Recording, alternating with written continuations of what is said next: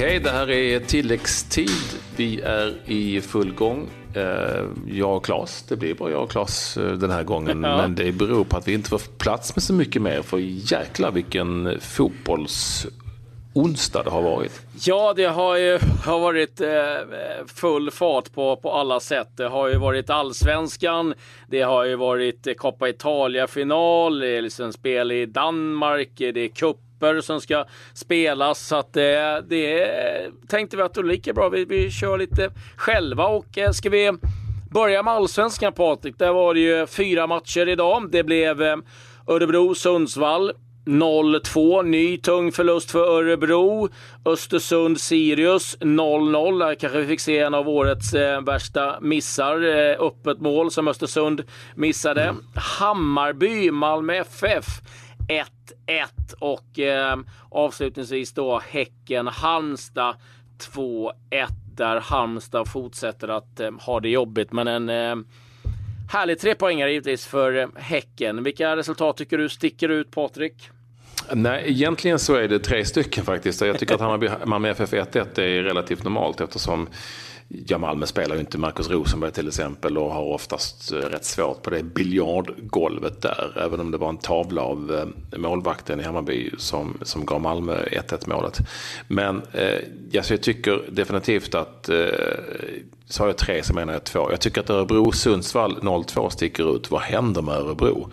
Eh, det börjar ju bli riktigt, väldigt många förluster på hemmaplan, förlorar med 2-0 mot Sundsvall. Eh, också då Östersund-Sirius, får väl ändå säga att Sirius ändå åker upp där och fixar en poäng eh, mot detta Östersund ju, som ju, väldigt många menar är ett av Sveriges mest spelskickliga lag och det är de ju också för den delen. Eh, och som många hade tippat eh, i toppen. Men det är ju Sirius som är the shit just nu om du ska tala om om eh, lag som överraskar i allsvenskan positivt. Alltså ytterligare liksom en match med eh, bra resultat borta mot Östersund. Det är inte många som åker upp där och tar en poäng. Så det, tycker, det tycker jag definitivt sticker ut även om det är ett tråkigt 0-0 resultat. Ja, och sen så kan jag tycka att eh, eh, Östersund, de spelar extremt härlig fotboll och är kul att se, men det gäller ju också att plocka tre poängare hela tiden och eh, just nu ligger de på en åttonde plats, 12 poäng. Absolut helt okej, okay, men det är ju många som har tippat att de ska ligga högre upp och då, då, då bör man vinna den här typen av matcher, framförallt på hemmaplan. Häcken tycker jag blir intressant att följa. Micke Stare har fått eh, ordning på försvarsspelet och eh, framåt vet vi att BK Häcken är bra. Och, och, jag tror att de kommer bli eh, en, en utmanare till Malmö FF. Sen måste man ändå lyfta fram ett Malmö. De har stora skadebekymmer på backsidan. Man ändrar om lite grann. Tinnerholm får byta kant. Eh, du nämnde det innan, man väljer att eh, vila Rosenberg, Christiansen ändå så kommer de in och så får man ändå med sig en poäng då mot ett eh, Hammarby. Och det jag reagerar lite grann på liksom, i hela den här matchen med Hammarby, det är ändå tränaren Mickelsen som går ut och säger att Hammarby, eller Malmö FF ska vinna serien. De är mycket bättre än, än vad alla andra lag är. Jag tycker att någonstans man nedvärderar sig själva lite grann. Visst, Malmö FF har den bästa truppen, de har den bästa ekonomin, men det är väl ändå på plan allting ska avgöras. Att, att, att Malmö störs ju inte av att de eh, lyfts fram som favoriter. Det, det tror jag inte att de gör någonting. Jag tycker att där måste de någonstans lyfta fram sig själva lite mer. Hammarby. Det är min men, åsikt men... i varje fall. Men, men, men, kan inte det eh, vara två saker? Eh, dels för att han är dansk och är van vid att FCK har den positionen i Danmark. Och där, är, där säger man så att det, det är en supersensation om FCK inte vinner ligan och alltid ska göra det. Det är en sak. Och, och en annan kan ju vara att, så att säga, skydda sitt eget lags insats eller poäng eh, i en match. Genom att säga att vi mötte de som kommer att vinna, de som kommer att vinna ligan. Eller hur? Så skulle det ju så skulle det kunna vara. Ja, så, så absolut, absolut. Eh, men jag tycker ändå någonstans att ah, lite mer vill jag se från eh, eh, ett lag som och en klubb som Hammarby. Att man inte liksom står nästan och, och bockar och bugar. Nu kommer Malmö FF till stan och eh, vi är jättenöjda med en poäng. Det är klart att man tycker att man ska gå ut att vi, vi har hemmaplan, vi ska vinna det här. Men 1-1 blev det och, och det är så det ser ut eh, just nu. En annan grej jag vill lyfta fram med allsvenskan. Vi hade ju eh, igår eh, domarbasen Bosse Karlsson i ett litet extra program och jag tycker det är intressant att han lyfter fram att eh, han tycker att man ska ta fram och använda sig av videodomare redan till nästa säsong. Jag vet inte, jag, är, jag personligen är väl lite, lite tveksam till det. Jag tror att det kommer komma. Vad känner du inför det här Patrik? När det gäller videobedömning så är jag av den absoluta uppfattningen att det är eh, väldigt bra eh, när, eh, att avgöra situationer som är svarta eller vita. Det vill säga, är bollen över linjen eller inte över linjen i samband med ett mål till exempel. Jag är klart tveksam till om man kan och ska använda det i situationer som bygger på om det är straff eller inte straff, frispark eller inte frispark. För att det kan innebära att man måste se på videos väldigt ofta under en match. Och ibland så går inte ens det att avgöra. Då får man nästan gå på domarens bedömning. Så att det, är, det är min absoluta uppfattning. Jag, jag är också tveksam till om man ska använda det i offside-situationer eftersom Jo visst, du kan ju göra Eh, en bedömning som säger att det där eh, var offside, det ska inte vara mål. Men om en domare vinkar offside och domaren blåser av på en spelare som har gått fri och man i efterhand ser att men det där var ju inte offside.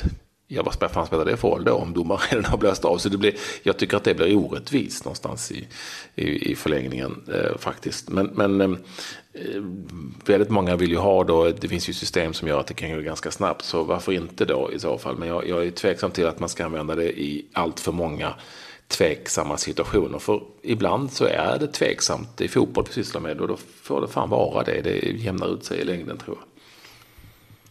Nej, och jag tycker däremot, någonstans däremot. Att, eh, att eh, det är bara att titta på eh, ishockeyn, SHL. Där har man videogranskning och det, det är ju inte så att det har varit glasklart i vinter om det har varit rätt eller fel. Utan då har det varit, ja då är de inte kloka i domarrummet och då är det videogranskande fel på. Så att jag, jag tror det kommer alltid finnas gråzoner. Alltså vi kan sitta och kolla vissa situationer och tio stycken och vi tycker alla olika om det är straff eller inte. Så att, eh, ja, jag vet inte, men jag tror att vi går åt det där hållet. Det blir intressant ändå att eh, se om det blir så att eh, vi har videodomare nästa säsong i eh. allsvenskan. Men, Däremot Klabbe så tycker jag att eh, Bosse fegade ur lite när det gällde besluten i disciplinnämnden. Och jag, jag är ju då inne på att, att bara ta det kort, för det har ju varit uppe och är ju hett i diskussionsämne, inte minst Twitter. Jag, jag, tycker att, jag tycker att det är en farlig väg att gå att eh, inte göra, in, att att disciplinnämnden och domarna, just i det här sammanhanget, specifika domare, inte väljer att sträcka upp handen och säga att det här blir fel, det kan bli så ibland, det är inget konstigt. Eh, och att disciplinnämnden då i Atashkade-fallet, Gais Örgryte, inte går på vad alla säger utan säger att domaren går på domarens absoluta bedömning och hans, hans, hans inställning till varför han gav Atashkad ett rött kort.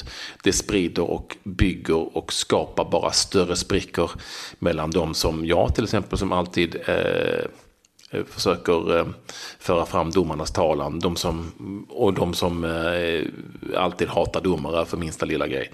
Det är inte bra, det är korkat och idiotiskt och där tycker jag att både domarna och disciplinnämnden sköt sig med ett stort fett jävla hagelgevär rakt i foten. Ja, vill ni höra vad Bosse hade att säga om allt det där så, så finns den att eh, lyssna på.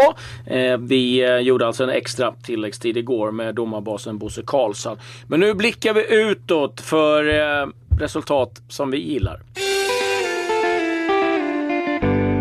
Resultat som vi bryr oss om. Ja, var ska vi egentligen börja? För det har varit mycket. I, jag, jag, jag, jag, tänkte att vi eh, inleder med att titta på grekerna ändå. För där hade vi en svensk som gjorde mål, Marcus Berg som vanligt för eh, Panathinaikos. Och det här är då inte ett resultat som vi gillar utan mer som vi gillar att uppmärksamma. För att matchen mellan Panathinaikos och PAOK som är grekernas eh, Super League Playoff som det heter. Fick alltså brytas efter fullständig publik kalabalik. Ännu en gång i Grekland hände alltså detta eh, vid ställningen 1-0 till Panathinaikos. Och ja, det är väl också ett skäl till att jag tror och vet att Marcus Berg inte känner att det är så kul att vara kvar i Grekland helt enkelt. Så det, det blir alla någon ordning där helt enkelt.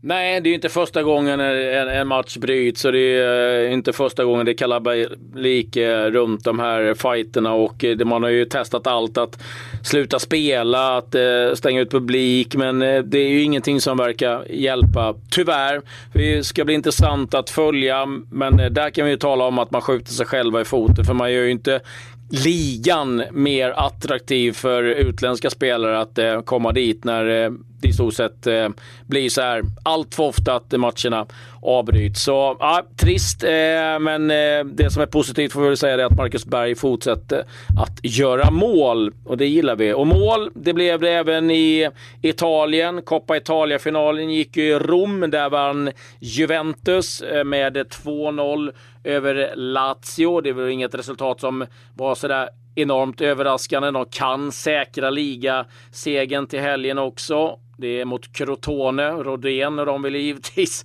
sätta käppar i hjulet för det. Men Juventus kan ta en trippel den här säsongen. Det är riktigt eh, imponerande.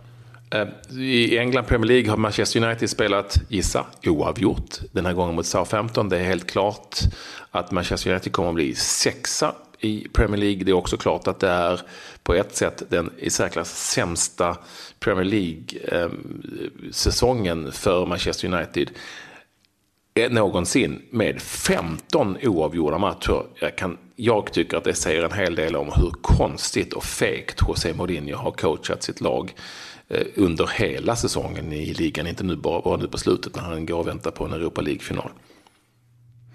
Nej, lite märkligt. Jag pratade med en kollega som eh, sa att det var eh, en av de tråkigaste matcherna jag sett någonsin. Eh, jag satt själv och gjorde Monaco som fixade ligasegern genom att besegra Son Etienne med 2-0. Mbappé gjorde mål igen och det ska bli oerhört spännande att följa det här laget framöver. Jag tror ju inte att de kommer bli sönderköpta. Jag tror till exempel att spela som Mbappé och de här, prata med Falcao, prata med Martial. Jag tror inte att det är ett lag som eh, United just nu lockar sådär jättemycket. Man ska komma ihåg att det är ett VM-slutspel i sommar där många är lite skraja för att eh, byta klubb. Så att eh, intressant att eh, följa detta Monaco framöver och eh, jag måste tillägga det att eh, eh, Fanerud, Pontus som spelade, sa att när de eh, firade att de har vunnit ligan senast åkte de kortege i Porsche-bilar. Där mm. åker man inte några bussar i Monaco, där är det Porsche som gäller och det, det, måste man ju ändå hylla lite grann. Ja, det är inte så jävla lång kortege bara, för det är ett litet, det är ett litet, eh, liten stad och ett litet land dessutom är det ju.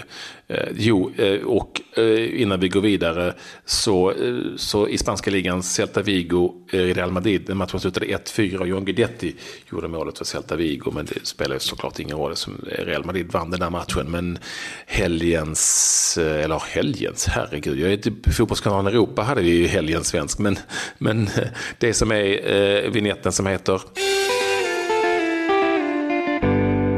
Dagens svensk. Han hittar vi i den eh, turkiska kuppen.